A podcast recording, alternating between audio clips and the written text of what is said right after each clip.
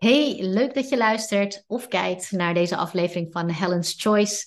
En in deze aflevering gaan we het hebben over de valkuil van zelfreflectie. En als je denkt van, hé, wat bedoel je daar nou precies mee? Als je je erin herkent dat je veel nadenkt, veel reflecteert, en jezelf goede vragen stelt, wat natuurlijk hartstikke mooi is en belangrijk, maar dat de acties om jouw doelen te realiseren een beetje achterblijven, dan herken je misschien dat je soms dingen aan het overdenken bent. En als je merkt dat je veel meer had kunnen doen om dingen in beweging te zetten, maar iets houdt je daarin tegen, nou, dan is dit een aflevering voor jou. Want ik wil iets uh, aan je toelichten wat je gaat helpen om te herkennen waarom je dat doet. Um, zodat je ook weet hoe je dat kunt doorbreken. Want daar ga ik je ook uh, concrete tips voor geven. Maar eerst de aanleiding voor dit onderwerp. Um, wat ik met regelmaat doe, is dat ik een, een mailtje stuur naar de mensen die staan ingeschreven voor mijn e-maillijst. En dan stel ik de vraag: uh, wat is jouw grootste struikelblok in het realiseren van je doelen? Nou, voor jou kan het doel zijn dat je gaat ontdekken wat je wil, zodat je straks uh, werk doet wat je echt heel erg leuk vindt. Of uh, ben je ondernemer en heb jij gewoon mooie doelen en een mooie visie voor jouw bedrijf en de toekomst van je bedrijf. Maar wat ik van de eerstgenoemde groep vaak als groep mensen als, um, als feedback krijg of als antwoord op mijn vraag, dat is dat het grootste struikelblok is dat ze niet weten wat ze willen. Dus hun vragen die zij zichzelf stellen is, maar wat wil ik dan? En ook, hoe kom ik daarachter? Nou zijn dat natuurlijk prima vragen om jezelf te stellen, maar wat ik merk in de gesprekken die ik vervolgens heb met mensen daarover, is dat ze daarin blijven hangen. Dus vier maanden later is het nog steeds de vraag: wat wil ik? Terwijl in die vier maanden er geen uh, acties zijn ondernomen om daarachter te komen. Dus de acties blijven heel erg uit, terwijl het denken gewoon continu wordt herhaald daarover. Maar gewoon dezelfde gedachte van wat wil ik dan en hoe kom ik daar dan achter? Maar echte acties ondernemen om daar antwoord op te vinden, om uit te zoeken hoe je zoiets dan aanpakt, dat blijft te veel achter. En dat is de aanleiding voor, uh, voor deze aflevering, omdat um, ja, het heel zonde is als die acties achterblijven. Je wil echt in goede harmonie, wil je uh, goed reflecteren en acties in de praktijk ondernemen. Want wat je uiteindelijk uh, wilt, is dat je in beweging komt. Hè, richting datgene waar je antwoord op wil vinden. Hè, richting het antwoord op jouw vraag. Maar daarvoor moet je wel actie ondernemen. Want alleen maar door nadenken gebeurt er niks, verandert er niets. Blijft alles hetzelfde. En dat is net als dat je een stilstaande auto in een bepaalde richting wilt krijgen. Dat lukt ook niet. Daarvoor moet je ook eerst uh, in beweging komen. Dan moet die auto eerst een beetje gaan rijden en dan kun je ook gaan sturen en bijsturen. En dus je wil het alle twee doen, reflecteren en in actie komen. En, en een goede, uh, goede harmonie tussen die twee. Het, het principe wat ik je wil uitleggen, dat gaat je ook heel erg helpen om het ook in een ander licht te zien. Want anders blijf je alleen maar nadenken over diezelfde vraag waar je gewoon geen antwoord op hebt. En ik wil je laten zien dat ook al heb je nog niet meteen de antwoorden op bepaalde vragen, je kan gewoon in actie komen. En het versnelt zelfs het vinden van die antwoorden op die vragen die je hebt. Nou, het, het principe wat ik je wil toelichten is dat de gedachten, de vragen die je jezelf stelt, hè, als je aan zelfreflectie doet, die zijn of gebaseerd op angst, of ze zijn gebaseerd op vertrouwen. En de vraag is waar jouw vraag op gestoeld is. En dat zit hem niet in de vraag die je stelt. Want als jij uh, de vraag hebt, um, ik weet niet hoe ik ontdek wat ik wil gaan doen, dan kan het ook zijn dat jij die vraag stelt vanuit het uitgangspunt dat je er wel vertrouwen in hebt dat jij dat gaat ontdekken. En als eerste heb je dan de vraag van ja, hoe pak ik dat aan? Maar je kunt die vraag ook stellen terwijl jouw uitgangspositie eigenlijk is: ik weet niet of het mij gaat lukken om geld te gaan verdienen met iets wat ik leuk vind. En dan vraag je jezelf af: hoe pak ik dat überhaupt aan? Gaat dat wel lukken? Kan ik daar wel van rondkomen als ik straks weet wat ik leuk vind? Kan ik wel iets anders doen dan wat ik tot nu toe heb gedaan? En dat zijn vragen die uh, voortkomen vanuit angst. En nou waren die eerste vragen hetzelfde als wat ik benoemde hè, toen het vanuit vertrouwen kwam. Maar het verschil is dat iemand die die vragen stelt met een basisuitgangspunt van vertrouwen, die vraagt daarna hele andere soorten vragen. Die gaat daarna in een stand van hoe kom ik daar dan achter? Wat heb ik nu nodig om erachter te komen hoe ik dat aanpak? Wat kan ik nu wel doen? Ook al weet ik nog niet precies hoe ik dat straks voor elkaar ga krijgen, maar wat kan ik, waar heb ik nu wel invloed op? Wat kan ik nu in beweging zetten, zodat ik straks meer weet? dus je merkt dat als je vanuit vertrouwen komt, dus het, je, je basis is vanuit een vertrouwen dat je erachter gaat komen en dat het je gaat lukken, ook al weet je nu nog niet precies hoe, maar dan schakel je al heel snel vanuit zo'n grote abstracte vraag van hoe doe ik dat dan? Of wat wil ik dan, schakel je meteen naar vragen die jou activeren om nu iets te doen, om nu actie te ondernemen. En, en dan ga je ook actie ondernemen, omdat je het heel concreet maakt en je haalt het dichterbij. En je komt vanuit het vertrouwen dat je erachter gaat komen. En dat het um, deel is van het proces dat je nu nog niet alle antwoorden weet. Want daarvoor is die eindbestemming nog te ver weg. dus je weet het misschien wel ongeveer, maar er zijn ook heel veel vragen waar je nog geen antwoord op weet. Maar kom je vanuit angst, twijfel ehm, en blijf je daarin hangen, dan merk je dat dus aan de vragen die je jezelf blijft stellen. En dat daar geen vervolgvragen aan te pas komen die jou activeren om ook echt actie te ondernemen. Dus als jij je afvraagt, ehm, ja, wat wil ik dan? En hoe kom ik daarachter? En je hebt drie maanden later nog steeds diezelfde vragen, terwijl je in de tussentijd er weinig aan gedaan hebt om echt in actie te komen en om daar ook achter te komen, dan blijf je dus hangen in diezelfde vragen. En hoe komt dat? Dat komt omdat daaronder een uitgangspunt is van twijfel en van angst voor het onbekende. ik weet niet of het gaat lukken. Gaat het me wel lukken? Kan ik straks wel geld verdienen met wat ik leuk vind? Uh, kan ik wel mijn uh, visie, mijn lange termijn visie waarmaken? Um, is er wel iets wat ik echt heel graag wil? En al die die gedachten, die gaan ervan uit dat het niet gaat lukken. Uh, en wat je dan krijgt, is dat alle vragen die je dus ook produceert voor jezelf, als vorm van zelfreflectie, um, die bevestigen dat alleen maar. Die, die, die houden jou in een gedachtenloop, waardoor die vragen nooit beantwoord worden. Dus die activeren je ook niet om ook echt actie te ondernemen. Als je jezelf nou herkent in, uh, in het laatste, dus dat je inderdaad vanuit angst voor het onbekende uh, die vragen blijft stellen: van ja, maar wat is dan mijn lange termijnvisie? Hoe ziet dat er, straks uit? Ik heb er nog geen beeld bij. Dan wil je eerst, hè, de eerste stap is altijd herkenning, dus bewustwording waar dat vandaan komt. Dat is dus uh, angst voor iets dan kun je je afvragen, oké, maar wat is het dan ehm, waar ik dan bang voor ben? Soms uh, zijn mensen bang om succes te hebben, dat het allemaal gaat lukken en dat je dat dan misschien niet aan kan. Uh, anderen zijn bang dat het juist niet lukt. Hè? En wat dan?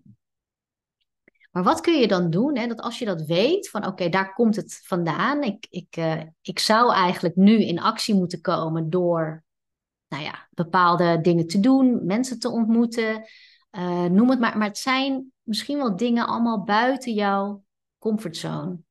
Misschien dingen die je nooit eerder hebt gedaan. Uh, maar misschien is het ook vooral omdat je niet weet of dat allemaal wel gaat lukken.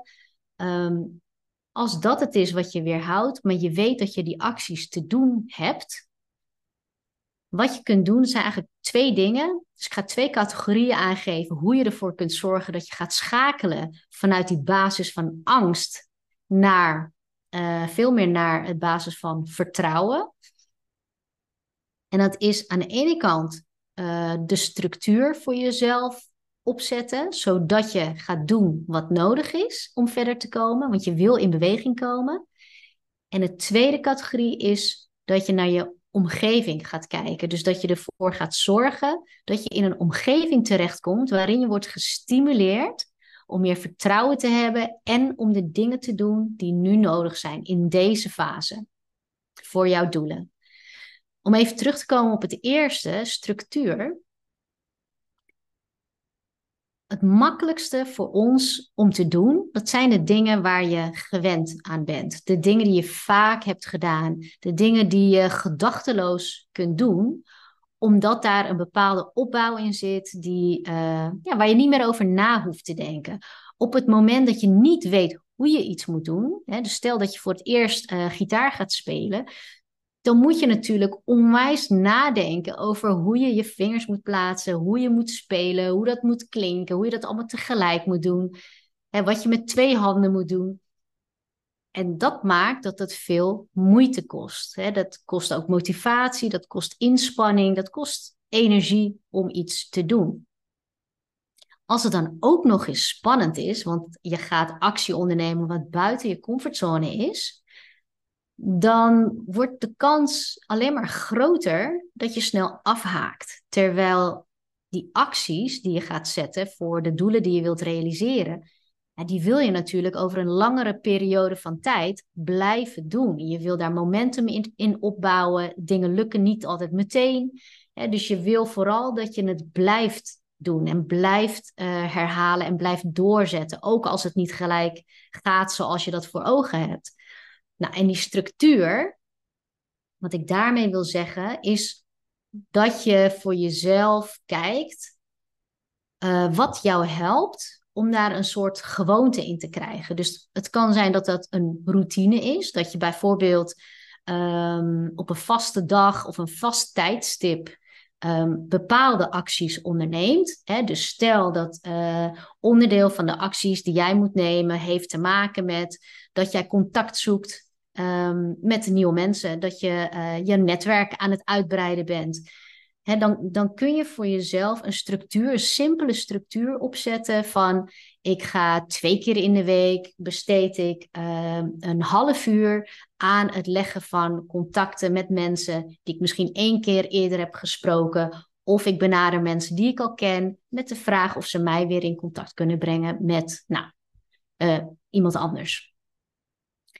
En door dat van tevoren te bedenken, van wat heb ik nou nodig aan acties om verder te komen voor mijn doelen, dan kun je dat voor jezelf eigenlijk opbreken in een soort simpele structuur. Ik ga dit doen, deze stap, deze stap. En deze stap stelt dat er drie hè, acties zijn. En daar heb je een half uur voor nodig, of daar heb je een uur voor nodig. Uh, en je plant dat ook een vaste uh, dag in voor jezelf dan zorg je ervoor dat er een structuur is die ervoor zorgt dat jij er niet meer te veel over na hoeft te denken, maar dat je het alleen nog maar moet doen. Nou denk je misschien van ja, maar ik neem me zoveel voor om het te doen en dan doe ik het alsnog niet. En ook daar komt structuur om de hoek kijken, want soms heb je gewoon een stok achter de deur nodig. Soms heb je iemand nodig die met hetzelfde bezig is als jij en dat je dat ook met elkaar deelt. En zo heb ik bijvoorbeeld voor mijn ondernemerschap ook een business buddy met wie ik gewoon wekelijks afspreek wat ik deze week ga doen. Dus dat is echt mijn voornemen. Uh, en met wie ik dat ook gewoon een week later uh, deel hoe dat is gegaan en wat ik misschien niet, uh, niet heb gedaan, zodat ik het alsnog snel oppak. En dus dat is ook een vorm van structuur die mij helpt en activeert om de dingen te doen die nodig zijn om verder te komen. En dus zo moet je een beetje denken over structuur. Dat gaat over een routine hè, dus jezelf makkelijker maken om zonder al te veel nadenken de acties op een gegeven moment te kunnen ondernemen. Ehm, maar het kan ook gaan over, uh, ja, ik schakel hulp in waardoor ik de structuur heb. Uh, ik bedoel, de mensen die bij mij in een coachingstraject zitten, die doen dat ook vanwege een structuur waarbij ze weten van nou in dat jaar of in dat half jaar dat wij samen werken, weet ik dat ik in ieder geval aan de slag ga met de juiste dingen en de juiste acties, omdat je het nou eenmaal niet meer alleen doet. Hè? Dus ook dat is een vorm van structuur. Nou, dan heb je de categorie omgeving. Je kunt uh, jezelf omgeven met mensen die het voor jou makkelijk maken om bezig te gaan met datgene wat je voor ogen hebt. Dus dat zijn vaak mensen die met hetzelfde bezig zijn of mensen die uh, misschien al wat verder zijn dan jij en jou daarin kunnen begeleiden of helpen of supporten. Um, maar zorg ervoor dat je in plaats van alleen maar zelf na te denken over wat je allemaal nog niet weet, uh, en dat je probeert uit te vinden hoe dan iets moet, zorg er dan voor dat je in een omgeving uh, terechtkomt waarin je die vragen ook kunt stellen, waarin je ook in gesprek kunt gaan met mensen die het al gedaan hebben en uh, die dat wel met je willen delen. Hè, en dat kan op allerlei manieren. Het kan gewoon zijn dat er één goede vriend of vriendin is of een partner uh, die jou echt wil supporten daarin. Uh, met wie je gewoon kunt brainstormen. Of uh, aan wie je uitspreekt van joh, ik ben dit en dit en dit van plan. Uh, maar ik merk dat ik dat een beetje uitstel. Kan je me helpen om dat in de komende twee weken echt gedaan te krijgen? Dat je, ja, dat, je dat gewoon met mij bespreekt. Of dat ik dat met jou kan delen, hoe de voortgang daarin is. Hè, dus dat is ook een manier om ervoor te zorgen dat je in actie komt. Want je kan jezelf wel vanuit angst naar vertrouwen proberen te denken. Maar dat is soms heel lastig. En de, ja, de manier waarop je brein werkt, is gewoon dat het continu op zoek gaat naar bevestiging van dat wat je al gelooft. Uh, soms is het voldoende als je van iemand anders een, ander, een andere kijk krijgt op waar je mee bezig bent. En soms kan dat al een shift geven in hè, dat je vanuit angst wel kan handelen vanuit vertrouwen. dus dat je daar een verandering in hebt. Um, maar soms is dat heel moeilijk. En zeker als je hier alleen mee blijft zitten en je denkt er alleen over na, dan zul je merken dat heel vaak ongemerkt je toch weer in die visueuze cirkel zit, waarbij je allerlei gedachten hebt die echt komen vanuit twijfel, omdat de basis nog is van ik weet niet of het gaat lukken.